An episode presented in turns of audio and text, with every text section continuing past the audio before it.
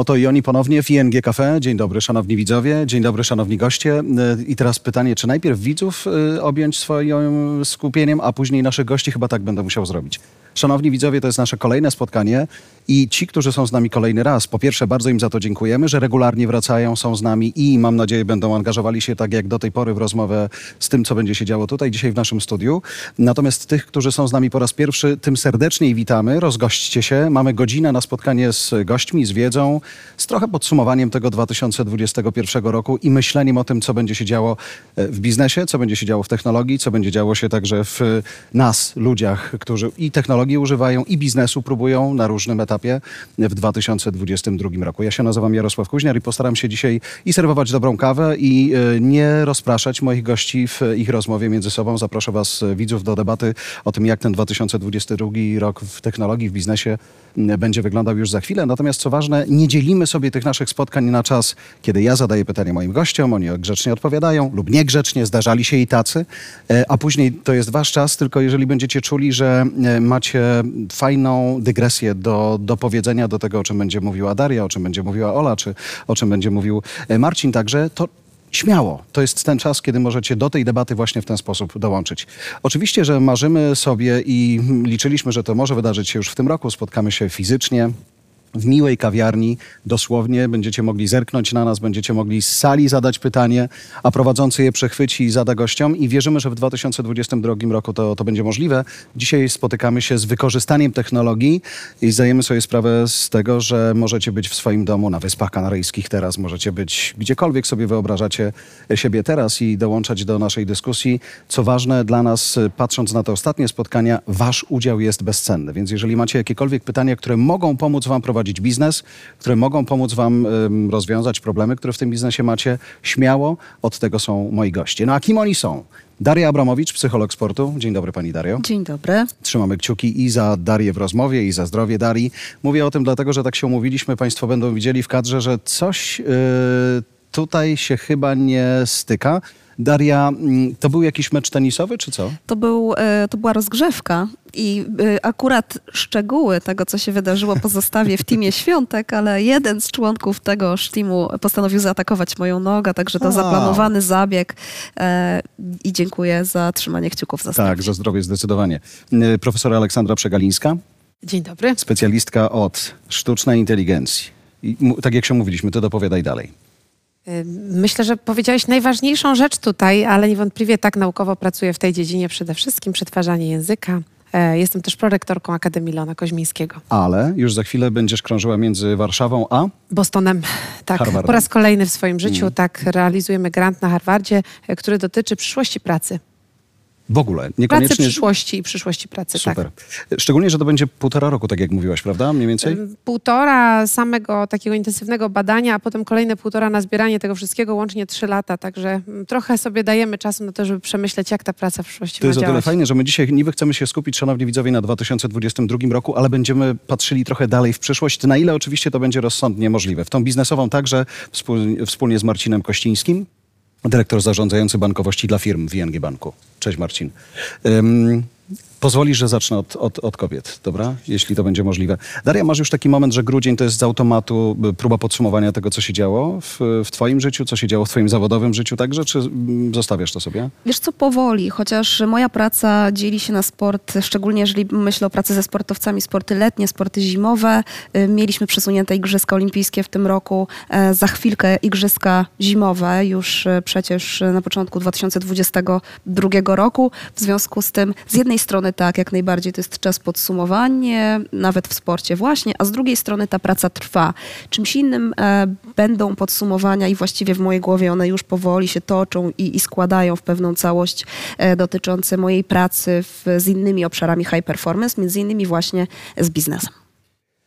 Dużo jest y, wspólnych y, momentów w życiu sportowca i w życiu biznesmena?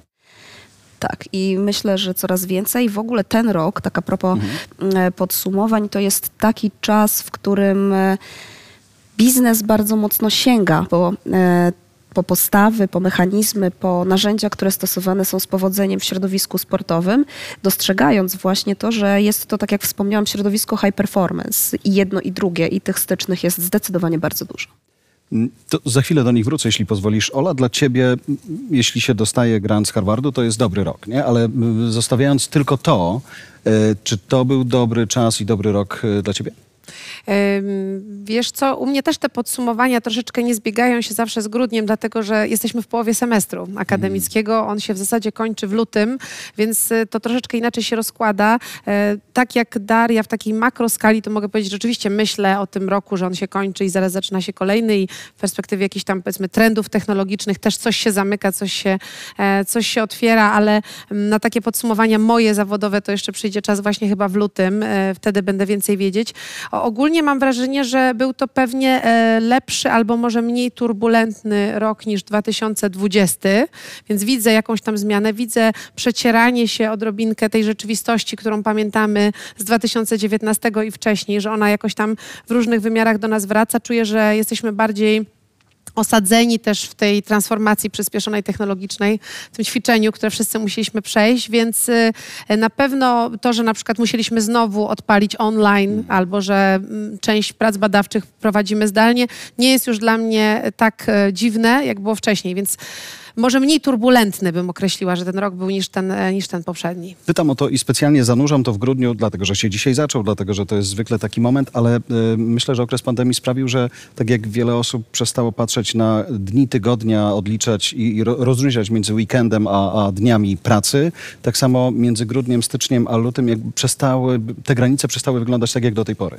Wiesz co, ja myślę, że ta różnica e, troszeczkę inaczej teraz zaczyna wyglądać, że jest okres ciepły, kiedy wracamy względnie do jakiejś formy rzeczywistości, którą pamiętaliśmy i to jest tam powiedzmy wiosna, lato, wczesna jesień, a potem jest ten okres zimny, kiedy znowu odpala się ten przedziwny e, jakby czas bardziej zdalny e, i zdecydowanie w bardziej takim covidowym sosie. Właśnie, a propos tego. I tego nie unikniemy. I myślę, że widzowie nasi, którzy robią swoje biznesy na, przy, przy dużych e, pie, pieniądzach, też to czują, że właśnie ten ciepły to jest jakaś nadzieja, że liczba przypadków covidowych będzie inna, więc będziemy raczej out, a później nagle nie wiemy, jak bardzo będziemy in, tak jak teraz. Widzimy, że w Afryce coś się zadziewa, a znowu biznes zaczyna zastanawiać się, co się będzie działo, więc to wpływa na wszystkie możliwe kalendarze, ale też właśnie na podsumowanie. W sumie, co tu zamykać, skoro znowu się dzieje, nie? Więc tak, naprawdę- weszliśmy w takie fazy, mam wrażenie, jakiegoś takiego cyklu. To znaczy, znowu nie funkcjonujemy w kategoriach tydzień do tygodnia, miesiąc do miesiąca, tylko właśnie ciepły okres, zimny okres. I to są takie właśnie koła. Jedno, co się nie rodzaju. zmienia, cały czas jest znak zapytania, prawda? To będzie ciepły, ale jaki? To będzie zimny, ale jaki? Niepewność, niepewność, niepokój to zresztą takie znaki rozpoznawcze tych ostatnich kilkunastu miesięcy Mm, i tak naprawdę coś, co warunkuje bardzo mocno to, w jaki sposób funkcjonujemy.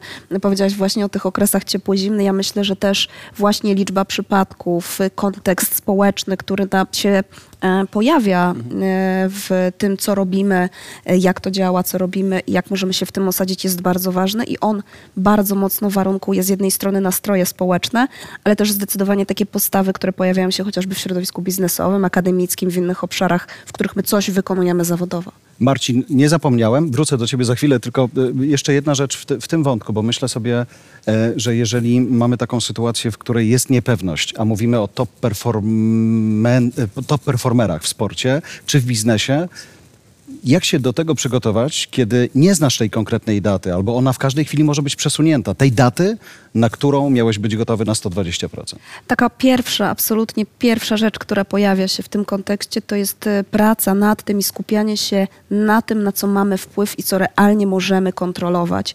Bardzo ważne na tym etapie jest w ogóle przedefiniowanie sobie bardzo często i właśnie celów i skupienie się i takie przemyślenie sobie tego, no dobra, no to co ja właściwie mogę kontrolować i na co ja realnie mam wpływ, co jest w mojej mocy, bo właśnie między innymi funkcjonowanie w niepewnych okolicznościach, zastanawianie się nad tym, jak będzie wyglądał kalendarz, jaka będzie ta cykliczność jakie będą warunki, pozostaje absolutnie poza naszą kontrolą, a kosztuje bardzo, ale to bardzo dużo energii. No, Powiedziała, kosztuje energii. Już myślałem, że przechodzimy powoli na wątek pieniędzy. Marcin, ciebie chciałem zapytać, rozmawiasz z klientami, którzy mają swoje inwestycje, mają swoje biznesy, mają swoją niepewność. Ona może nie jest sportowa, ale jest biznesowa. Tej niepewności w ostatnich miesiącach jest więcej, mniej? Jak popatrzysz na cały rok? Dzisiaj mamy kompletnie inną sytuację niż tą, którą mieliśmy jeszcze w zeszłym roku. Myśmy tak naprawdę po tym zeszłym roku, marzec, kwiecień, to mieli kompletnie czarne wizje i te czarne wizje mniej więcej koncentrowały się wokół tego, że to wszystko, co budowaliśmy tyle lat, się, się zawali w ciągu bardzo krótkiego czasu i to była zupełnie realna wizja. Natomiast e, w tym czasie, od, od mniej więcej roku z, z kawałkiem, mamy kompletną zmianę i nastawienia przedsiębiorców i ten fenomenalny pierwiastek e, przedsiębiorczości, który się ujawnił, tego optymizmu, którym potrafimy zarazić i samych siebie, i zarazić bardzo wiele innych e, podmiotów, nie wiem, inne kraje Europy, bo tak naprawdę polska gospodarka i odporność polskiego przedsiębiorcy dzisiaj versus to, co było rok temu z kawałkiem, to są kompletnie dwie, e, dwa różne światy. I Oczywiście mamy mnóstwo wyzwań, jeśli chodzi o gospodarkę. Mamy te nieprawdopodobne wręcz szoki podażowe, bo jeżeli ktokolwiek by powiedział komukolwiek dwa lata temu czy trzy lata temu, że grupa Volkswagena w całej Europie będzie musiała stanąć, bo nie będzie miała jakichś małych części, dzięki którym ten samochód może funkcjonować, to zakładam się, że tak jak siedzimy tutaj wszyscy, nikt kompletnie by w to nie, nie był w stanie uwierzyć. I z tymi rzeczami oczywiście w mniejszej skali, bo takich e, globalnych koncernów mamy jednak trochę mniej w Polsce, to jak się patrzy na biznes mały, średni i nawet duży, to jego odporność dzisiaj jest kompletnie inna, ale przeważyły te elementy nie tylko takiego e, umiejętności zarządzania tym wszystkim, ale i nastawienia i pewnego dystansu do, do, do, do, do przyszłości. Właśnie o to też cię chciałem zapytać. Kiedy dzisiaj wszyscy przechodzimy czasem przyspieszony, czasem w naturalnym czasie przeprowadzony proces od szczepionki do odporności. Skupmy się na odporności. To biznes, gdzie tej odporności nabrał? Z jakich y, przypadków, jakich historii wyciągnął wnioski, które dzisiaj pozwalają mu się wiesz, obudować jakimś takim firewallem? Znaczy w pewnym sensie to jest to, co mówiła Daria, czyli taki element skupienia się na tym, co od nas y, zależy, bo oczywiście bardzo łatwo było się y, zanurzyć w te wątki typu nie jesteśmy w stanie, przyszłość jest bardzo niepewna, ale e, ten element skupienia się na, na biznesie, na tym, co w tym możemy zrobić, zadziałał fenomenalnie. I to nie tylko punktowo w przypadku, nie wiem, kilku dużych firm, których i pozycja, i których możliwości organizacyjne pozwalały na to, ale przede wszystkim w ogromnej liczbie małych e, i średnich biznesów. One się kompletnie nie, nie poddały i to jest ten element odporności, którego, którego polska gospodarka dzisiaj nabyła. Mhm. Widzowie pytają, czy to nagranie będzie można gdzieś zobaczyć. My, całe szczęście, jesteśmy na żywo i możemy spotkać się ze sobą fizycznie i porozmawiać. Jak najbardziej naturalne jest to, że dzisiaj właściwie nie ma takiego miejsca w sieci, w którym rzeczy, które w tej sieci się dzieją, znikają. Będziecie mogli zobaczyć, natomiast jeżeli macie do wyboru y, kolejne spotkanie, które niewiele wniesie w waszym biznesie, a posłuchanie moich gości, to ja bym zachęcał was do tego, żebyście zostali. Na żywo to jest zawsze zupełnie inna emocja. Mówimy o człowieku, mówimy o technologii. Y, technologia wkroczyła sobie w 2021 rok i, dała wielu biznesom, ale też wielu ludziom, którzy nagle zostali odcięci od swoich rodzin, od swoich biznesów, dużo nadziei i ułatwiła im pewne kontakty. Natomiast stała się też y, zagrożeniem. Jak sobie to, y, Ola, rozłożysz między właśnie korzyścią wynikającą z technologii i rozwoju, a zagrożeniami, które wynikają z tej, z tej samej rzeczy, czyli rozwoju technologii, czego jest więcej? No ja zdecydowanie jestem po stronie korzyści. To znaczy myślę, że e, naprawdę przy całej traumie, jaką e, był i jest e, COVID, e, to e, technologiczna ta akceleracja, to przyspieszenie niesamowite było dla nas e, dużym ratunkiem i to odczuliśmy zwłaszcza w tym 2020, ale potem no właśnie zaczęliśmy, e, można powiedzieć, czuć się dużo swobodniej w korzystaniu z rozmaitych technologii. Ta transformacja cyfrowa różnych organizacji, firm naprawdę przyspieszyła. Sama technologia dostała też skrzydeł. Ja to widzę po swojej dziedzinie, to znaczy jeśli chodzi o sztuczną inteligencję, to e, zmiany, które zaszły są niebywałe i to nie są zmiany e, o takim charakterze stricte badawczym, to znaczy, że nagle pojawiają się nowe algorytmy e, i że my nad tym pracujemy, tylko raczej, że algorytmy, które już były, w końcu się implementują do biznesu. Nagle zmienia się medycyna na naszych oczach, prawda, jeśli chodzi o terapię, jeśli chodzi o diagnostykę medyczną, zmienia się logistyka. Nagle zaczynamy słyszeć o tym, że nawet w rolnictwie czy sadownictwie wprowadza się coraz więcej net, internetu rzeczy, sztucznej inteligencji, że po prostu wszyscy się odważyli z tej technologii e, korzystać, więc oczywiście gdzieś tam... em, majaczą, można powiedzieć, różne pytania dotyczące e, kwestii prywatności naszych danych, tego, czy technologie nie będą wykorzystywane w jakichś bardzo złych celach, e, hakowalności też tych technologii, czy stabilności różnych systemów, na których w tej chwili polegamy bardziej niż kiedykolwiek polegaliśmy, ale ogólnie ja myślę, e, muszę powiedzieć, że ten bilans moim zdaniem jest bardzo pozytywny i że jednak to ćwiczenie z transformacji cyfrowej i dla małych firm, i dla średnich, i dla dużych, i dla administracji publicznej, i instytucji naprawdę jest bardzo in plus. Technika jest obecna w sporcie, bo to są wszystkie rodzaje sprzętów, których sportowcy używają w swoich dzie- dziedzinach. Technologie, jak myślę sobie o sporcie, chociażby w tych dziedzinach, w których ty jesteś mocno zaangażowana, to jest raczej wykorzystanie mediów do tego, żeby pokazywać, co się dzieje, prawda? Gdzie Dziś jeszcze? już zdecydowanie nie i ja zdecydowanie też zgadzam się z tym, co powiedziała Ola. Nawet w psychologii, w sporcie dzisiaj nowe technologie i transformacja cyfrowa są bardzo, ale to bardzo obecne. Ale pomagają tobie jako terapeutce, nie wiem, przygotować diagnozę? E, Wiesz co, nie chciałabym zagłębiać Jasne, się w szczegóły, bo prawdopodobnie nie wystarczyłoby nam na to doby, e, ale tak, to już pojawia się na poziomie, powoli na poziomie diagnostycznym, na poziomie konsultacyjnym mm, i to w różnych dziedzinach psychologii e, i psychoterapii. Oczywiście to bardzo, e, no tak jak powiedziałaś też o prywatności, jeszcze tutaj dochodzi nam przecież wątek etyki e, mojego zawodu. Bardzo, bardzo delikatny temat, który myślę będzie rozwijał się na pewno w najbliższych latach, aczkolwiek bardzo ciekawy i widać po prostu wyraźnie to, jak bardzo nasze społeczeństwo się zmienia, także adaptując się do tych ostatnich kilkunastu bardzo wymagających e, miesięcy. Więc nie tylko technika, ale technologia także zdecydowanie.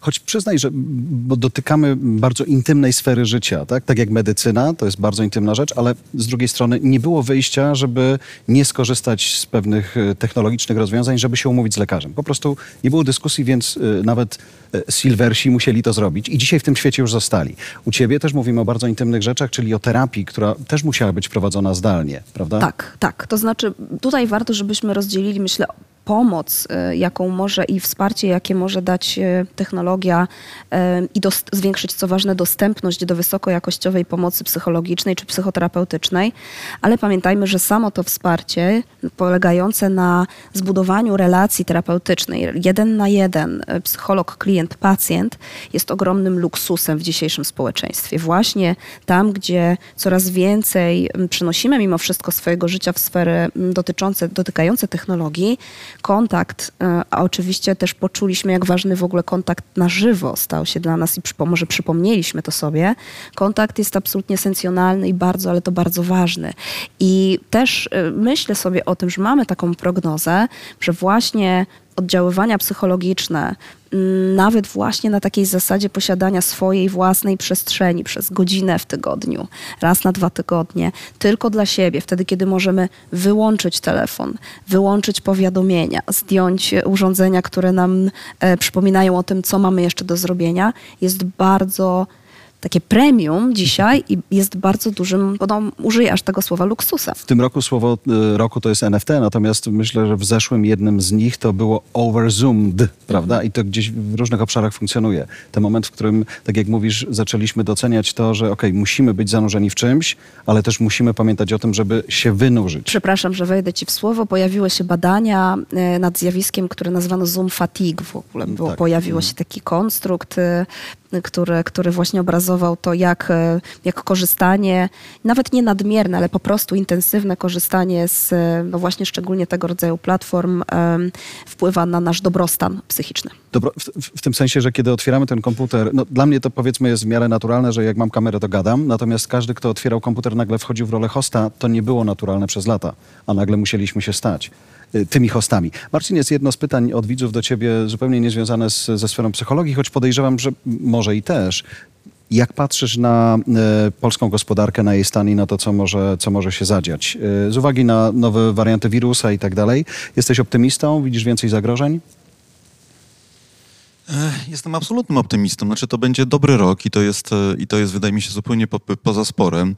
Główny element poza tym szokiem podażowym, o którym mówiłem, to będzie z pewnością wątek inflacyjny. I to nawet nie chodzi o to, że ta, ta inflacja jest na poziomie 6, 7 czy 8%, jakkolwiek rejestrowana. To bardziej tak, chodzi o... Turcję sobie weźmy w nawias.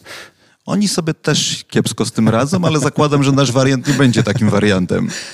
Natomiast bardziej chodzi o, spe, o, o, o pewną specyfikę, strukturę tego, tego szoku inflacyjnego, bo w praktyce chodzi o to, że e, po raz pierwszy od bardzo długiego czasu mamy do czynienia z inflacją, która wyprzedza, czyli wszystkie oczekiwania na wzrost kosztów, one już tutaj są i one bez, bez, bezspornie się przełożą na wzrost cen w przyszłym roku. Jeżeli mamy tak ogromne przyrosty, nienotowane wcześniej, na, nie wiem, na e, e, e, dla podstawowych e, produktów, które kupują ludzie, typu żywność, typu półprodukty do, do żywności i te wzrosty sięgają po, kilku, po kilkadziesiąt procent rok do roku, to nie ma siły. To wszystko się musi przełożyć na wzrost w przyszłym roku. Więc e, wątek inflacyjny, jeśli nie będzie dobrze ogarnięty i nie będzie dobrze e, zarządzony, może być blokadą dla polskiej gospodarki. Ale to jest jeden z dwóch, trzech elementów. Natomiast ta gospodarka jest rozpędzona.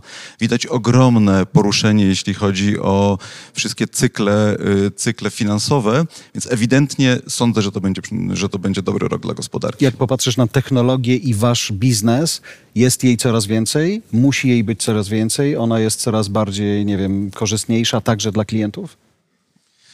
To się nie zmienia od wielu lat. To jest, to jest coraz bardziej korzystne i to jest ewidentne, że tak duże biznesy, które my obsługujemy, one nie byłyby w stanie funkcjonować bez technologii. To jest, to jest w ogóle poza, poza dyskusją. My jesteśmy w stanie sprawić, żeby, żeby te ogromne grupy klientów, czyli kilka milionów w naszym portfelu klientów indywidualnych, około 600 tysięcy firm, które mamy, żeby one dostawały rozwiązania, do którym ich zależy tu i teraz, w bardzo dużej części dzięki technologii. To są rzeczy, które 20 lat temu w ogóle były nie, nie, do wyobrażenia. I to się będzie zmieniało dalej. I do pewnego stopnia, to jest taka, taka teza, którą mam w głowie, technologia do pewnego stopnia, zależnie od potrzeb klienta, ona będzie zastępowała i już, już zastępuje te relacje międzyludzkie.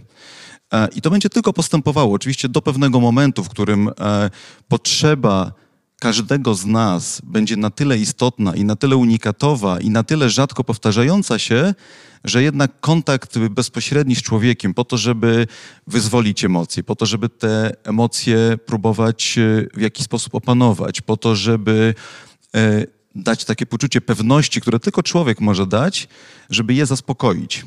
W sumie przy okazji y, zawodu Darii mówiłem o tym, że to jest intymna sprawa. Mówimy o dużych pieniądzach i o ogromnej relacji między doradcą inwestycyjnym na przykład, albo doradcą każdym po waszej stronie i człowiekiem, który przychodzi i być może właśnie jest w kryzysowej sytuacji z uwagi na to, że te pieniądze ewentualnie mu wypływają, bo na świecie dzieje się to czy coś innego.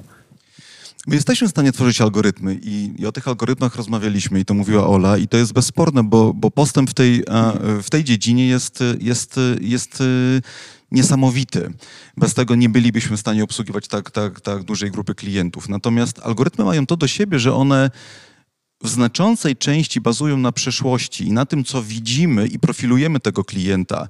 Dużo trudniejsze jest i myślę, że z perspektywy każdej firmy, nie tylko firmy finansowej, ale z perspektywy każdej firmy wychodzić w przyszłość, czyli na podstawie tego, co obserwujemy, nie prostych sygnałów, typu ktoś sprawdził w, w internecie, jakie są ceny mieszkań w mojej okolicy, to będę kupował mieszkanie, więc wystawiamy mu reklamy, bo to, to są w dużej części ślepe strzały, ale dobre pomyślenie o tym, co się będzie działo w przyszłości, jest ogromnym wyzwaniem. Póki co na masową skalę nie potrafimy tego robić i wtedy rola człowieka jest nie do przecenienia. Bo w, I przy roli człowiek, człowiek i przy roli człowiek, technologia mówimy też o zaufaniu. Masz poczucie, Ola, że um, to zaufanie ludzi do technologii, właśnie z uwagi na to, że nagle musieliśmy z nią żyć inaczej niż do tej pory, stało się większe? Zrozumienie ja nie większe? sądzę, prawdę mówiąc, żeby zaufanie stało się większe. Myślę, że zaufanie e, cały czas e, jest bardzo takie liabilne. To znaczy, że z jednej strony e, trochę nie ma innego wyjścia niż zaufać technologii w bardzo wielu sytuacjach, a, a z drugiej strony myślę, że ten nieustający kontakt z technologią, trochę jak ty, Daria, mówiłaś, jest jednak dla ludzi bardzo męczący. Dodatkowo słyszymy na przykład różne historie o tym, że na przykład lekarze, kiedy dostają system algorytmiczny, który im podpowiada diagnozę, diagnozę, to bardzo się wzorują na tym, co ten system e, im tam przekazuje i podobnie w sądownictwie były jakieś wczesne projekty tego, jak wspierać wyroki sędziów. Okazuje się, że rzeczywiście te algorytmy mają bardzo dużą siłę i ta sugestia, prawda, jest bardzo silna, w związku z tym ludzie naprawdę idą za tym algorytmem. I jeszcze z trzeciej strony codziennie korzystamy z różnych narzędzi rekomendacyjnych różnego typu i z jednej strony ok, to jest bardzo wygodne, a czasami łapiemy się na tym, hej, ale może ja chcę zobaczyć coś innego. W zasadzie ten algorytm trochę mnie zniewala, więc chyba tutaj nie ma prostej odpowiedzi na pytanie, które zadałeś, zresztą bardzo dobre, czy nasze zaufanie jest większe. Ono jest wymuszone, w tym sensie, że po prostu nie ma innych rozwiązań. Natomiast na pewno jest tak, że e, coraz więcej podnosi się głosów, że po pierwsze musimy zacząć e, powoli kreślić tą granicę, o której ty powiedziałeś, powiedziałeś, czyli granice tego, jakby ile chcemy tym algorytmom dać, bo to cały czas jest otwarte pytanie. Na razie one się rozpędzają, rozwijają, pomagają nam w bardzo wielu przestrzeniach, personalizują oferty, robią segmentację, dzięki nim szukamy nowych produktów, nowych modeli biznesowych i tak dalej. Ta technologia ewidentnie jest wsparciem, a z drugiej strony chcemy sobie powiedzieć, ok, są takie wrażliwe kwestie, gdzie nie chcemy tego delegować algorytmom, nawet gdybyśmy mogli, bo to ostatecznie może na przykład w nas uderzyć, dlatego że to zaufanie będzie małe. I tutaj e, ciekawe były badania chociażby na przykład na rynku nieruchomości, gdzie okazało się, że ok, jakieś takie wstępne profilowanie ofert, e, przez model sztucznej inteligencji, który, nie wiem, będzie patrzył, jak przebiega gentryfikacja w jakiejś dzielnicy, czy cokolwiek takiego, to jest w porządku. Natomiast ostatecznie decyzja o zakupie mieszkania to jest bardzo kluczowa decyzja w życiu człowieka. Tych decyzji jest raptem kilka w ludzkim życiu i chcemy tam kontaktu z drugą osobą i to nie jest negocjowalne za bardzo. I jeśli ktoś będzie nam na siłę wpychał rozwiązania algorytmiczne, to nam się nie będzie to podobać. Jeśli mogę sekundę jeszcze powiem wam tylko jedną rzecz, bo to jest może ciekawe. Mm, No, z tym zaufaniem teraz chociażby pracuje bardzo intensywnie Komisja Europejska. Na tapecie jest regulacja dotycząca sztucznej inteligencji, godnej zaufania sztucznej inteligencji. Ona jeszcze nie jest dokończona, prace nad nią trwają, no ale widać, że już ta kwestia została podniesiona na taki poziom, gdzie duży regulator państw członkowskich, wszystkich Unii Europejskiej zaczyna się tym bardzo mocno interesować, żeby w końcu te kwestie jakoś no, poskromić. Tylko z drugiej strony to powiedzieć. jest tak emocjonalne słowo zaufanie, że trudno tam tą granicę znaleźć, bo tak jak tu siedzimy, czy nawet y, biorąc jeszcze naszą ekipę, każdy będzie miał inną granicę, inną Ale, definicję. ale wiesz, gdzie ona jest intuicyjnie, kiedy dochodzi do sytuacji, w której ona jest testowana, wydaje mi się. I to jest być może e, kwestia do jakiejś szerszej debaty. Tutaj być może Daria się szerzej na ten temat wypowie. Natomiast wydaje mi się, że możemy już sobie parę rzeczy powiedzieć i w sektorze bankowym i medycznym, gdzie ta interwencja człowieka jest absolutnie niezbędna, gdzie nie chcemy, żeby to było zastępowane. I tutaj powoli to widać. To jest jedna rzecz. A druga jest taka, że ja muszę mieć zaufanie do technologii, która na przykład e, przestrzega wartości, które są mi bliskie, czyli Technologii prywatności albo, i tak albo dalej. marki, która ci tą technologię wystawia tak Owszem, naprawdę, też. nie? Bo to, to Tak. trochę takie, tak, tu się zaczyna. Dokładnie tak jest. Znaczy ten wątek marki, on, on, on zyskuje na znaczeniu niesamowicie. Znaczy kiedyś to była dużo bardziej relacja jeden do jednego, czyli czy ja ufam tobie, czy ty jesteś w stanie mi tą pewność y, dostarczyć. Natomiast przy takiej powszechności różnego rodzaju usług, to bez tej siły marki, która definiuje to, czy, y, czy dostarczysz mi dobrą ofertę, czy ona jest transparentna, czy tam nie masz czegokolwiek ukrytego, co tak naprawdę się definiuje y, relatywnie krótko, ale potem sprawdza się bardzo długo, to to jest kluczowa rzecz z perspektywy dużych organizacji. Jedno z pytań od naszych widzów jest, właściwie do każdego z nas, jestem ciekaw waszej odpowiedzi. Mówicie, mówicie o technologii, natomiast pojawiają się takie głosy, że w skali świata może brakować prądu i zresztą w Chinach ostatnio tego prądu brakowało. Nie tylko nie było fabryk, których można by wytworzyć półprzewodniki, ale nie było prądu, żeby te fabryki działały, więc teraz sobie jakoś Chińczycy z tym poradzili, ale to był realny problem totalnego blackoutu. Są tacy, którzy mówią, że w Europie y, też może się taki blackout y, tego sezonu zdarzyć i technologii nie będzie, bo nie będzie prądu wrócimy trochę do korzeni. Trochę do tego, o czym mówiłaś. Godzina dla siebie, e, ale takiego bycia poza zegarkiem, smartfonem, wszystkim. Wiesz, w ogóle kiedy zaczęła się pandemia, to ja zaobserwowałam w swojej pracy niesamowicie interesującą kwestię, to znaczy zaczęliśmy wracać w ogóle do rozmowy o fundamentalnych, absolutnie podstawowych kwestiach. Powiedziałaś o tym, że zacierają się dni tygodnia, mówiliśmy o tym, że godziny nam się czasami zacierają. E, Pojawiło się przecież w pewnym momencie takie stwierdzenie, że dzisiaj już nie mówimy work-life balance, tylko work- work-life blend, że nam się to wszystko bardzo intensywnie miesza. I zaczęliśmy rozmawiać o tym, jak dbać o ilość i jakość snu. I troszkę zerkam na pytanie, które tutaj pojawiło się a propos radzenia sobie, więc pewnie poniekąd na nie odpowiem. Zaczęliśmy mówić o zbilansowanym, zrównoważonym odżywianiu, o takiej higienie pracy, że jeżeli pracujemy w domu, to starajmy się sobie wydzielić przestrzeń na pracę i jednak taką przestrzeń, gdzie tej pracy nie ma. Przebierać się e, w, w, w ubrania, które, e, które kojarzymy z bycia w pracy, a potem przebierać się z powrotem e, w takiej, żeby funkcjonować sobie w takich domowych pieleszach. I to są bardzo, ale to bardzo proste i fundamentalne rzeczy, które pozwoliły nam trochę na nowo zdefiniować sobie pewne granice naszego bycia. Mm, Bycia w tej rzeczywistości, w której wszystko nam się, mówiąc kolokwialnie, miesza. I myślę, że to bardzo ważne też właśnie w kontekście nawet dyskusji o zaufaniu do technologii, że ta debata będzie to, tworzyła się i toczyła bardzo mocno wokół etyki i właśnie pewnych granic, osobistych granic, ale też takich społecznych granic. Także, przepraszam jeszcze tylko jedno, jedno słowo w świetle właśnie tego, że dziś takim słowem, może i słowem roku jest NFT, ale tym, które powtarzaliśmy bardzo często ostatnio jest słowo dystans. Mm, Dystans społeczny, dystans także taki emocjonalny do tego, co się dzieje. I właśnie w kontekście dystansu społecznego zwróćcie uwagę, jak my bardzo nieadekwatnie zinterpretowaliśmy w ogóle to stwierdzenie w pewnym momencie jako populacja, bo dystans społeczny, w którym chodziło o to, aby zachować po prostu bezpieczną odległość człowiek od e, człowieka, zaczęliśmy interpretować jako wycofywanie się z relacji. I to jest też bardzo, ale to bardzo ważny element w przypadku tego, co dzieje się w ostatnich w Ale też w przypadku te, tego, co próbujemy dzisiaj łączyć, zostawię na chwilę Marcin biznes, ale mamy technologię i człowieka. Teoretycznie ona pozwoliła w, nam się czasem do siebie zbliżyć, ale wiemy, że technologia ma też to, do siebie, że ona nas zamyka e, w swoim świecie i to wcale nie pogłębia bliskości. Pytania, które teraz padają obok siebie właściwie przyszły do nas, to są pytania o depresję w różnych grupach wiekowych.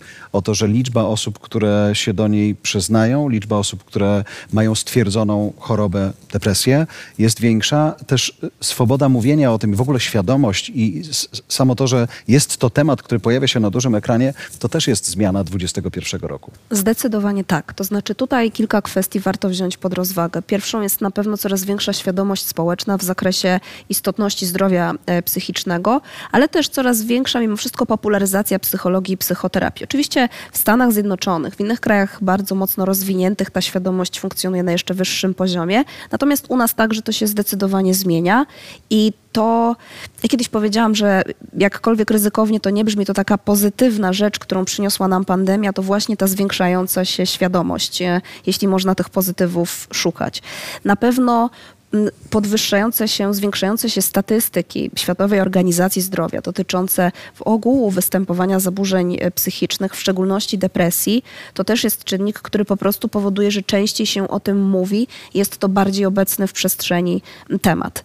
Idąc dalej, także to, co robią osoby znane, osoby publiczne e, w przestrzeni publicznej, też coraz, e, coraz, otwarcie, coraz bardziej otwarcie mówią o aspekcie zdrowia e, psychicznego, także odstygmatyzowując w pewnym sensie chociażby chorobę psychiczną jako coś, co może spotkać każdego z nas, także osoby wysoko funkcjonujące. I wreszcie zdecydowanie okoliczności współcześnie naszego funkcjonowania i takie napięcie ogólne, który, w którym my funkcjonujemy od dłuższego już czasu, z pewnością nie sprzyjają zachowywaniu takiej higieny, dobrostanu w tak, powiedziałabym, komfortowy sposób, w jaki jeszcze kilkanaście lat temu było to możliwe.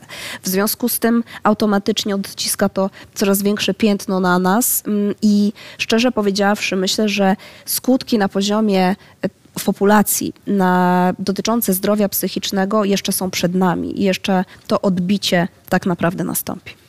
Paradoksalnie jest tak, że sztuczna inteligencja w niektórych y, tego typu stanach chorobowych, jak depresja, też jest wykorzystywana do tego, żeby podciągać ludzi, prawda? Jako Może nie tyle wspieranie. leczyć ich, Tak. ale, ale jako Tylko i wsparcie wyłącznie terapii. jako narzędzie wsparcia i pewnie tak powinno długo zostać, ale oczywiście masz rację. Zresztą tutaj ciekawostka, pierwszy bot y, stworzony kiedykolwiek w 60 latach ubiegłego wieku był botem terapeutą. E, no, dosyć e, dziwne, ale okazało się, że jakby zadziałał. E, jak najbardziej ludzie byli skłonni rozmawiać, ale chyba trochę dlatego, że nie mieli w ogóle z kim rozmawiać. I ten bot to było e, coś lepszego niż nic. E, tak się dzisiaj przynajmniej o tym myśli. E, I na pewno jest tak, że w Twoim zawodzie tego typu narzędzia jako asysta, jako wsparcie mogą, mogą pomagać, ale to właśnie trzeba dobrze robić, bo ja tutaj słuchając Cię pomyślałam sobie, że no, na naszej uczelni stworzyliśmy na Koźmińskim Wellbeing Office w czasie pandemii, dlatego że czuliśmy, że gubimy studentów. To znaczy zajęcia się odbywają, zajęcia są zdalne, dwoimy się, troimy, żeby te zajęcia były jak najlepsze, demonstrujemy narzędzia, ćwiczymy różne rzeczy, staramy się ich angażować, ale ciągle jest jakaś grupa ludzi, do której nie jesteśmy w stanie dotrzeć, którym było ciężko już w tym formacie on-site, offline, a w tym e, online jest im jeszcze ciężej. I okazało się, że po prostu e, to był, to smutno powiedzieć, ale strzał w dziesiątkę, w tym sensie, że takich e, interwencji było bardzo, bardzo dużo. Była wielka potrzeba, żeby porozmawiać z kimkolwiek. Ci ludzie się czuli jeszcze bardziej zagubieni niż wcześniej. No i właśnie jak myślę sobie o tej przyspieszonej transformacji cyfrowej, to myślę, że ona nie może być takim galopem naprzód ku coraz większemu uzdalnieniu. Jak ja słyszę, że już mamy lądować wszyscy w metaversum i zostawić wszystko za sobą, to myślę sobie, ale zaraz, zaraz, przepracujmy to, do czego chcielibyśmy konkretnie tego typu technologie wykorzystywać, kiedy ten e, te- technologiczny e, kontakt i to zapośredniczenie przez platformę będzie dla nas korzystne, a kiedy nie, bo może potrzebujemy cyfrowej absencji, może potrzebujemy czegoś innego niż tylko podaż kolejnych technologii, które będą coraz bardziej digitalizować nasze życie. I mówię to jako wielka entuzjastka e, technologii i osoba, która chętnie je rozwija, dlatego że jeśli tego nie będziemy robić dobrze, no to i skrupulatnie i dokładnie i nie zaopiekujemy tych wszystkich różnych e, no, takich obszarów życia, które nie powinny być e, koniecznie cyfryzowane, e, to przestrzelimy po prostu. I wydaje mi się, że teraz jest dobry moment, żeby w końcu się na tym zastanowić. Ten pierwszy etap dużej transformacji mamy za sobą, a ten następny powinien być lepszy i myślę, że mamy prawo formułować w stosunku do niego oczekiwania, że on nie będzie polegał na tym, żeby ucyfrowić jeszcze więcej. Mówimy o relacji e, terapeuta-pacjent, mówimy o relacji student-uczelnia, mówimy o relacji duża firma i gigantyczne zespoły, które nagle są rozproszone. E, Jak wam technologia w tym pomogła, żeby to się zadziało i żeby to się udało? Tutaj są takie dwie fazy tego. Ta pierwsza, która, która pomogła nam fenomenalnie, ponieważ prowadzenie dużego biznesu w tym momencie, kiedy się wszystko zblok, zblokowało bez technologii, byłoby kompletnie niemożliwe. Znaczy byśmy zgubili i ludzi, i, e, i klientów. E, I byliśmy w stanie tak, tak przedefiniować pracę, co jeszcze chwilę wcześniej wy- wydawało się trudne do, do, do wyobrażenia we wszystkich e, backupowych planach, że faktycznie jakby podtrzymaliśmy ciągłość funkcjonowania i ciągłość oferowania klientom. Natomiast drugi element jest taki, i to jest, e, zgadzam się z tym, co ty powiedziałaś, Ola, ten wątek e, wyjścia z perspektywy krótkoterminowej i wejścia w perspektywę średnio i długoterminową. O ile praca zdalna, technologia do pracy zdalnej niesamowicie pomogła i wprowadziła nas na stałe zupełnie, na zupełnie inny poziom, jeśli chodzi o efektywność, to w średnim terminie i długim terminie myślę, że tam tkwią zagrożenia, z których być może sobie nie do końca jeszcze zdajemy sprawę. To tylko jedno pytanie, wtrącenie do pytania właściwie, bo przez pandemię też długo, y, długookresowe y, terminy nam się, to wszystko zupełnie inaczej nazywamy, inaczej mierzymy. Co to dzisiaj znaczy długi okres? 5 lat, 3 lata, 10? Mówię o perspektywie między 3 a 5 lat. Natomiast myślę też sobie, że obowiązkiem każdego właściciela firmy i obowiązkiem każdego menedżera jest pamiętać o tym, że ten okres roku 2022 to prawdopodobnie nie jest koniec świata. Coś tam po tym, po tym okresie jeszcze, jeszcze będzie. I teraz ten wątek pracy zdalnej, technologii do pracy zdalnej, on ma dwa potencjalnie duże zagrożenia. Pierwszy dotyczy szeroko rozumianej firmy, jej kultury, e, relacji między ludźmi, czegoś, co się pięknie na, e, nazywa kapitał społeczny. E, I drugi element związany z tym, co też można nazwać takim mental health każdego z nas. O ile o ile zakładamy i dzisiaj jakby jesteśmy świadkami tego, że krótkoterminowo bardzo fajnie jest nie, nie, nie marnować czasu na to, żeby, żeby, żeby pojechać do pracy, żeby potem jak będzie dzisiaj jakiś opad śniegu w Warszawie, no to wracać zamiast pół godziny, no to wracać 45 minut i tak dalej, i tak dalej. O tyle ten wątek przebywania z innymi ludźmi, zmiany tego otoczenia w sposób nieco bardziej e, wyraźny niż to, co ty powiedziałaś, Daria, czyli zmianę swojego ubrania, ale poprzebywania z innymi ludźmi, to jest coś, co myślę, że w, perspektywie tych kilku lat może mieć e, naprawdę poważne skutki, jeśli do tego nie podejdziemy w sposób e, nieco bardziej e, e, długoterminowy. To jest ale pewnie to, co będziecie badać. No na pewno tak, z tym, że my mamy pewne takie normatywne założenia, to znaczy my uważamy, że na przykład sztuczna inteligencja, ale to nie jest jedyna taka technologia, tych wschodzących technologii jest kilka, z tym, że no ta jest chyba najciekawsza, bo jest najbliżej człowieka, można powiedzieć, i różnych naszych aktywności, że ona ma być narzędziem. To znaczy nasze założenie jest takie, że to nie jest wyparcie człowieka z zadań, tylko wspieranie go tam, gdzie on tego potrzebuje, gdzie on wyraźnie też zadeklaruje, że tego potrzebuje. Nasze badania mają bardzo takie podejście, można powiedzieć, bottom-up, to znaczy najpierw próbujemy się dowiedzieć w twojej pracy zawodowej, gdzie widzisz potrzebę wsparcia, e, czego może nie chcesz robić, co jest już taką ra- radykalną rutyną, której nie chcesz wykonywać, a co jest e, czymś, co chcesz sobie zostawić.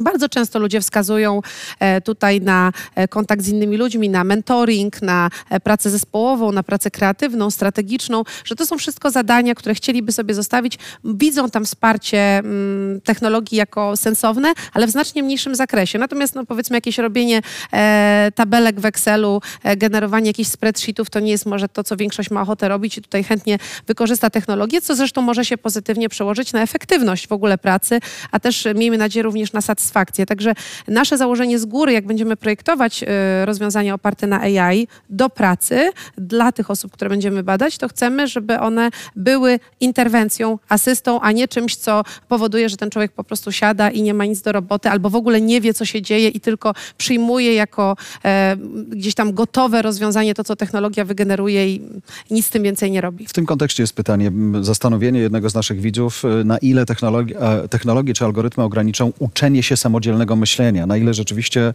mamy, ufamy. Bierzemy, bo przyszło, y, być może oszczędziliśmy dzięki temu czas, ale wpadamy w pułapkę, że właściwie nie mamy na to wpływu. Mhm. No to tutaj bardzo dużo moim zdaniem jest e, w tym, jaki będzie design tych technologii i być może e, też ten głos regulatora, o którym powiedziałam wcześniej, czyli żeby założyć, że technologia musi być transparentna, e, że musi być e, wyjaśnialne dla niej jej e, działanie.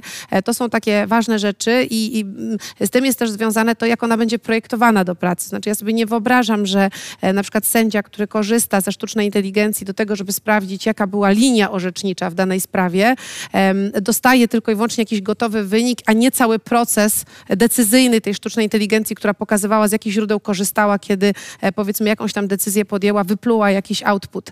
E, I to jest e, bardzo istotne, bo w przeciwnym razie rzeczywiście siedzimy naprzeciwko czarnej skrzynki, co jest fatalną sytuacją. Ja tu nie chcę wchodzić te psychologiczne kwestie dotyczące sprawstwa, czy tam powiedzmy podejmowania decyzji, bo to nie moja dziedzina, ale powiedziałabym tyle, że z punktu widzenia samej technologii bardzo ważne jest, żeby ona była transparentna i dla nas, żeby było wyjaśnialne jej działanie, czyli żebyśmy wiedzieli, co ona robi.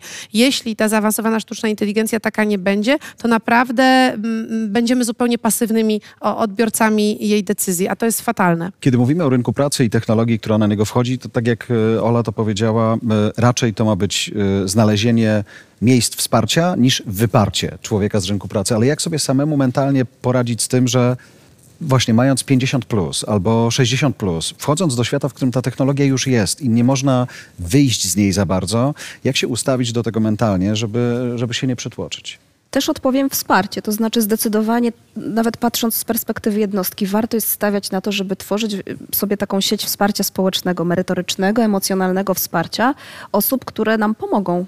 E, I tutaj mam na myśli dosłownie bliskich, którzy na przykład są nieco bardziej zaawansowani, być może osoby młodsze, w, zaawansowane w poruszaniu się w świecie technologii, ale też oczywiście wsparcie merytoryczne, którego jest coraz więcej. Z perspektywy organizacji, także tych osób, które zajmują się propagowaniem, mm, myślę, tego typu e, innowacji, no zdecydowanie stawiałabym na edukację. To trochę też nawiązanie do tego, co Ola przed chwilą powiedziałaś o, o tym, e, gdzie, jest ta, gdzie są te granice, jakby wsparcie i tak dalej.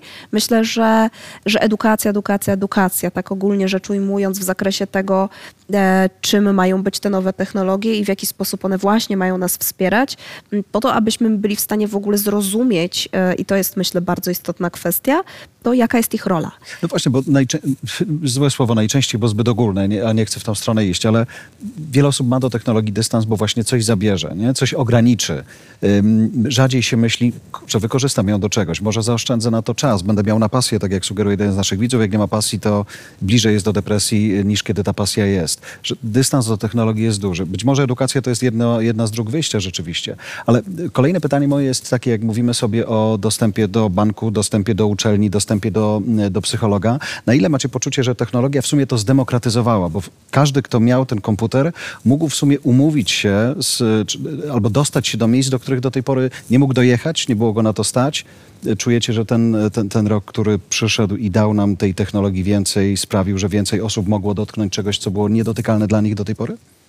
Ja zdecydowanie uważam na przykładzie psychologii, że tak, tak jak powiedziałam e, na początku, zdecydowanie poprawił się dostęp do wysokojakościowego wsparcia psychologicznego, psychoterapeutycznego, szczególnie w naszym kraju, w którym jednak no, ten rynek nie jest uregulowany, więc, więc jest to bardzo duże wyzwanie i to jest też ogromna zaleta i mm, dzięki temu możemy pomagać większej liczbie osób, dzięki temu możemy też skuteczniej właśnie edukować i jeszcze szybciej zwiększać e, świadomość społeczną. Znowu oczywiście to jest przykład psychologii. Warto jest pamiętać o tym, że nic tak dobrze nie pomaga w budowaniu relacji e, jak kontakt na żywo. I to właśnie też troszkę jest ta, ten powrót do rozmowy o pewnych granicach i o pewnych obszarach życia, które kolokwialnie mówiąc super, gdyby pozostały niezdigitalizowane, gdyby, by, gdybyśmy mieli te przestrzenie, takie bardzo z taką dużą szansą na taki quality time, na, na bycie blisko siebie, właśnie uważne bycie blisko siebie.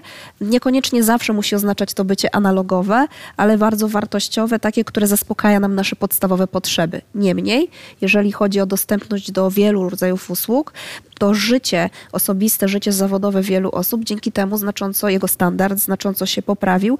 I co ważne, tak długoterminowo myślę, że poprawiło się takie poczucie pewności i sprawstwa tego, że my możemy skuteczniej kierować naszym życiem, dlatego że mamy większy dostęp do naprawdę wielu kwestii. Ola, podobnie myślisz? Y, Ja bym jeszcze dalej to trochę pociągnęła y, i powiedziała tak, że e, zdecydowanie zgadzam się. Mamy do czynienia z demokratyzacją różnych rozwiązań technologicznych e, dla konsumentów. Teraz pytanie, czy możemy być też producentami czy koproducentami tych wszystkich technologii. I tutaj też widzę bardzo ciekawą zmianę, dlatego że muszę Wam powiedzieć, że przez ostatnie dwa lata obserwuję rozwój narzędzi, na przykład znowu w obszarze swojej dziedziny, no code, zero kodowania. To znaczy możesz korzystać ze sztucznej inteligencji, jesteś powiedzmy właścicielem sklepu małego albo piekarni e, i nagle możesz korzystać ze sztucznej inteligencji, prostych nawet narzędzi opartych na AI, które ci będą modelować, jak wygląda popyt, powiedzmy ze względu na tydzień, miesiąc. Pozbierasz trochę danych historycznych i możesz sobie popatrzeć, ile czego warto produkować w danym sezonie, w danym tygodniu, jak to będzie mniej więcej przebiegać. To nie muszą być jakieś bardzo skomplikowane modele, ale mogą być bardzo przydatne w pracy zawodowej, więc i mały, i średni przedsiębiorca w tej chwili już może korzystać z tego typu rozwiązań zupełnie bez bez y, jakichś wysokich umiejętności programistycznych. Ja myślę, że to, co odstrasza często od nowych technologii ludzi, to jest też poziom ich skomplikowania. I teraz to jest właśnie krok naprzód który powinien pójść za demokratyzacją, to znaczy uproszczenie technologii dla tych, którzy chcieliby z nich korzystać nie tylko jako odbiorcy końcowi, ale jako też być może e, coś, co będzie wspierać ich Mhm. biznesy, ich organizacje na różne sposoby. I tutaj to uproszczenie na przykład tych narzędzi, to, że one są w zasadzie bardzo intuicyjne w tej chwili, że są na zasadzie drag and drop i tak dalej, że można naprawdę już sobie zacząć modelować i nie trzeba do tego trzech lat studiowania AI, e, to jest duża zmiana i to też jest demokratyzacja, tak naprawdę, o którą no, mi też chodzi, bo wydaje mi się, że ona trochę inaczej ustawia pole tego, kto tutaj jest, e, kto ma siłę technologiczną, a kto jest tylko e, technologii odbiorcą. Z perspektywy biznesu masz takie poczucie, Marcin, że technologia sprawiła, że jest więcej ciekawych projektów, więcej waszych klientów może zrobić więcej rzeczy, może dotrzeć do nowych klientów, y, znaleźć nowe obszary rozwoju swoich firm?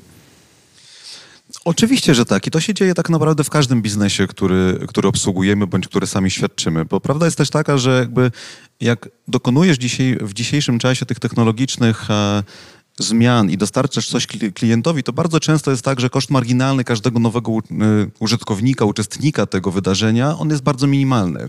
Jakby cała rzecz jest w za- w zainwestowaniu i postawieniu pewnego ro- rozwiązania, dostarczenia klientowi i potem w praktyce jakby każdy kolejny użytkownik bardzo niewiele cię y, kosztuje. I to zachęca tak naprawdę do eksperymentowania, bo pomyślisz sobie oczywiście, że musisz wykonać określoną inwestycję, żeby zrealizować coś, co w twojej głowie siedzi i coś, co potencjalnie może być interesujące i wiesz też o tym, że jeżeli to odpali, jeśli to będzie kupione przez rynek, to jesteś w stanie to, to skalować. I Czyli ten- to MVP ta- jest szybsze i tańsze, krótko mówiąc. MVP jest szybsze i tańsze, natomiast cały czas jest z tyłu głowy coś, co, coś, co się fajnie, y, co fajnie można określić jako skalowalność biznesu, czyli jakby zrobienia w taki sposób, żeby potem e, każdy kolejny e, użytkownik był faktycznie dołączał do, do tej społeczności, a nie powodował gigantycznego kosztu po twojej stronie. To jest bardzo motywujące. Jedno z pytań jest wprost do ciebie w kontekście wykorzystania sztucznej inteligencji w różnych procesach, które w banku są. Przychodzę po kredyt, przychodzę po mm, większą inwestycję niż zwykły kredyt. Sztuczna inteligencja pewne rzeczy ym, czasem przyspiesza, czasem mówi stop. Na ile będziecie rozwijać to wykorzystywanie technologii na tym poziomie y, w swoich systemach? My je wykorzystujemy, natomiast ja mam wrażenie, że my powoli dochodzimy do takiego poziomu, jeśli chodzi o kwoty, które możemy oferować podmiotom gospodarczym, e, do pewnego maksimum e, na jakiś czas. O ile w przypadku klientów indywidualnych, czyli każdego z, nas, to profilowanie jest nieco prostsze, bo te zachowania są w, du, w dużej masie. Jesteś, jesteś łatwiej w stanie je zgrupować i na tej podstawie podjąć jakieś decyzje. O, i, o tyle w tej części biznesowej, czyli tam, gdzie mamy do czynienia z finansowaniem firm albo z oferowaniem czegokolwiek firmom, jest to nieco bardziej utrudnione. Firmy relatywnie częściej bazują na przyszłości, a nie na przeszłości. I to, co się działo w przeszłości, wcale nie musi być dobrym wyznacznikiem tego, co się będzie działo w przysz przyszłości.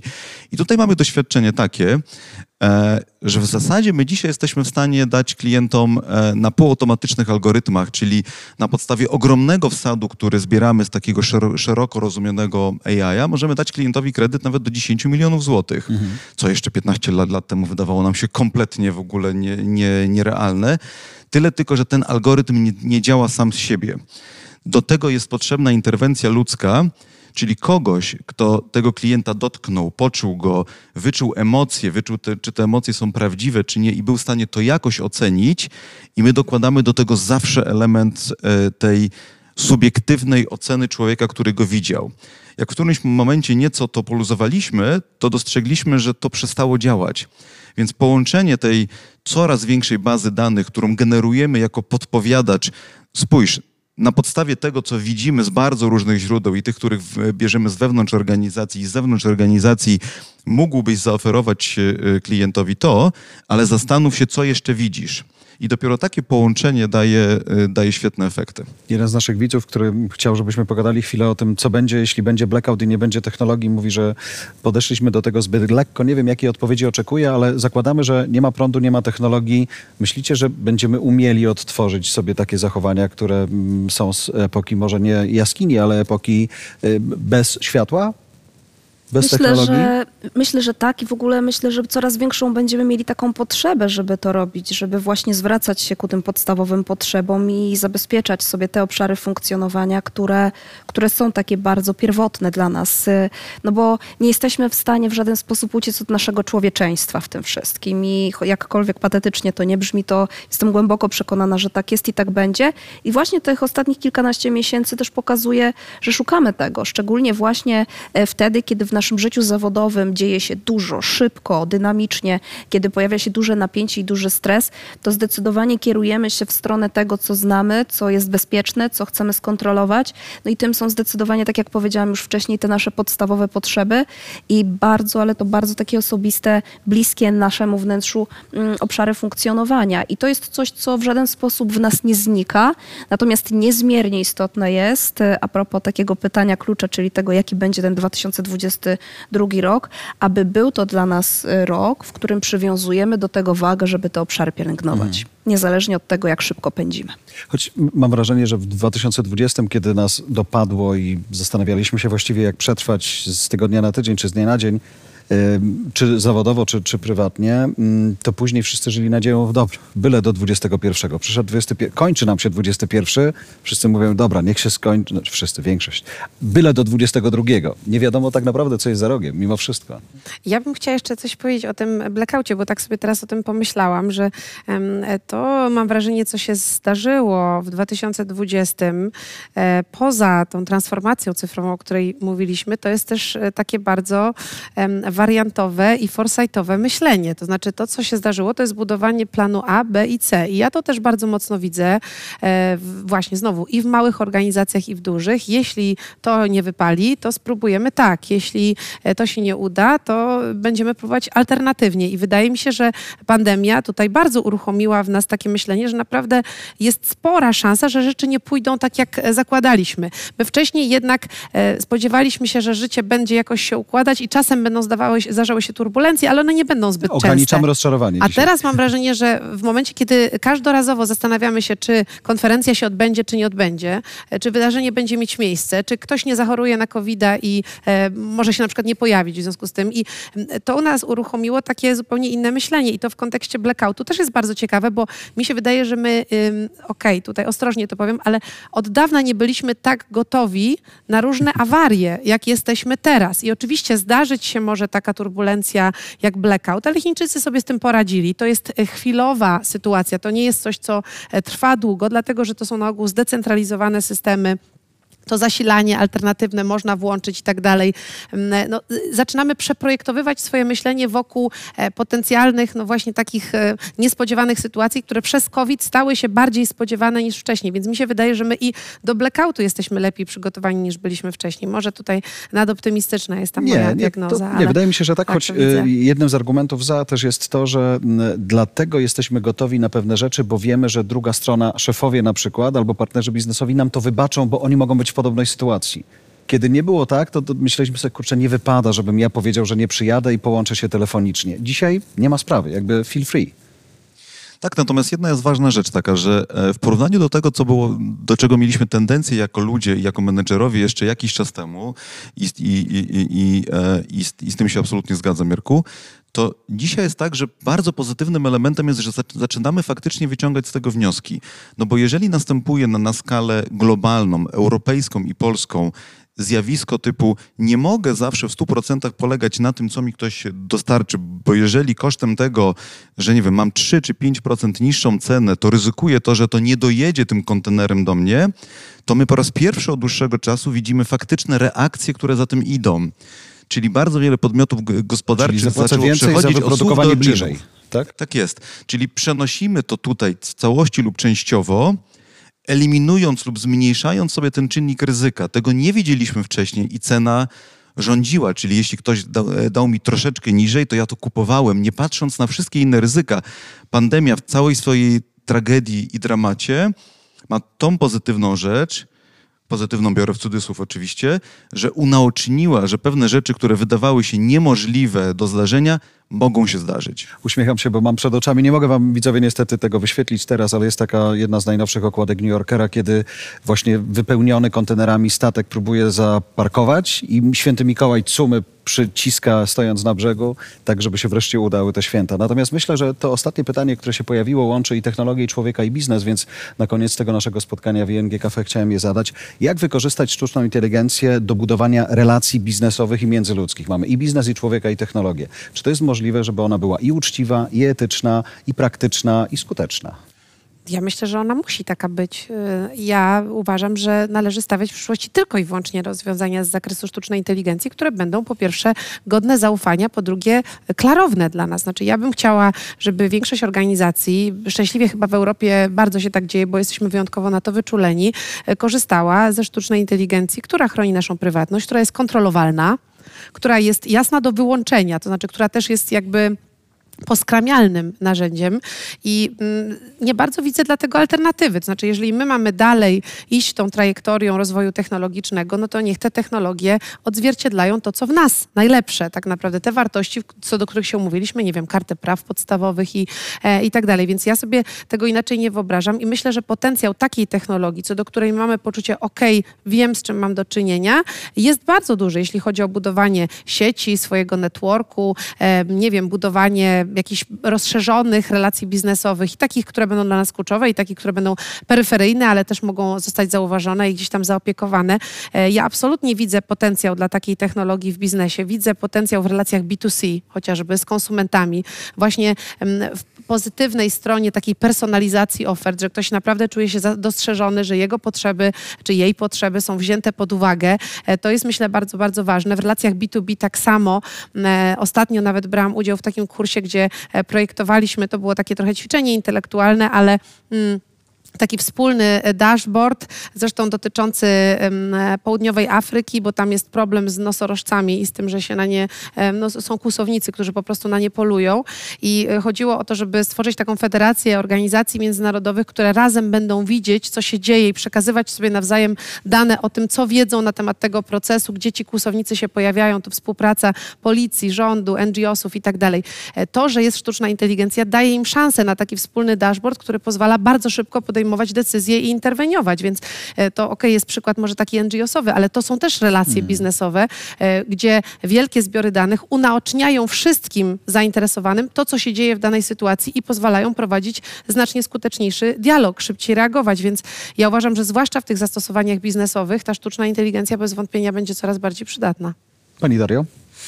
No cóż, ja mogę dodać to, że nie, do całej świadomości, do całego aspektu tego, w jaki sposób e, technologie mogą wspierać nasze funkcjonowanie, bardzo ważne jest, te, jest też to, co jest po drugiej stronie, czyli to, co jest w nas, w ludziach. I tak jak wspominałam dzisiaj w trakcie trwania naszej rozmowy, to bycie blisko siebie i tych fundamentalnych potrzeb, to zadbanie o takie swoje własne osobiste granice i to właśnie także e, podczas, e, także kiedy funkcjonujemy w takich rolach w biznesie, prowadząc przedsiębiorstwa, będąc przedsiębiorcami, daje bardzo dużo, bo buduje taką fundamentalną pewność i większą siłę. Dzisiaj też mówiliśmy w różnych kontekstach o tym, że pandemia, mm, także nowe technologie pozwoliły nam być silniejszymi, pewniejszymi e, we wielu aspektach i budować naszą odporność. Z drugiej strony, ponieważ właśnie przygotowujemy się na kolejne i kolejne e, wyzwania i warianty A, B i C, e, jest w nas sporo niepokoju i lęku. I to dbanie o siebie, bycie właśnie w tym, co możemy kontrolować, a jednocześnie zdobywanie kolejnej wiedzy, porcji wiedzy, edukowanie się w zakresie tego, co technologia może nam dawać, co daje nam i w jaki sposób może nas wspierać, może znowu tę siłę, pewność i kontrolę także rozbudowywać. I tutaj zdecydowanie zachęcałabym mm, do tego, żeby właśnie na tym się skupić. Marcin, AI, budowanie relacji, człowiek, biznes. Ja głęboko, ja głęboko wierzę, że y, technologia łamana przez e, AI, ona faktycznie będzie w stanie pomagać nam w budowaniu relacji. Natomiast technologia sama w sobie nie będzie wystarczająca, bo będzie za tym szła potrzeba zapewnienia odbiorcy, czy nim będzie konsument, czy nim będzie firma, wartości. I głęboko wierzę to i, i kibicuję temu, jestem absolutnym fanem tego, że w kolejnych latach, w kolejnych dziesięcioleciach będą wygrywały postawy i będą wygrywały firmy, które będą w stanie łączyć technologię z, wa- z wartościami, a firmy, które się skupią tylko na technologii, ale wartości w tym nie będzie, albo one będą nieakceptowalne dla nas, jako dla, kons- dla konsumentów, że te firmy będą przegrywały, a zwycięzcy będą zupełnie inni. Bardzo Wam dziękuję za spotkanie, za rozmowę, za dyskusję. Naszym widzom także za aktywny udział. To nie zawsze jest pewne na początku, kiedy ja o to proszę, myślę sobie, poprosił, ale nie wie co będzie.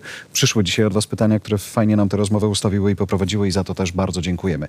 Daria Abramowicz, psycholog sportu. Bardzo dziękuję. Czekam cały czas, kurczę, to jest ten moment, kiedy mówisz i czekasz na brawa, a ich nie ma siłą rzeczy, ale wierzę, że przed ekranami one są. Aleksandra Przegalińska, Akademia Leona Koźmińskiego, mistrzyni AI e, i Marcin Kościński, dyrektor zarządzający bankowością dla Ja się nazywam Jarosław Dziękuję Kuźniar i bardzo. bardzo dziękuję za udział, za cały sezon z ING Cafe. Życzymy Wam dużo zdrowia w końcówce tego roku i jeszcze więcej w 2022 i mam nadzieję, że choć trochę e, tych naszych rad dzisiaj Wam w biznesie, w prywatnym życiu przede wszystkim się przyda. Bardzo byśmy sobie tego życzyli. Wszystkiego dobrego i do zobaczenia.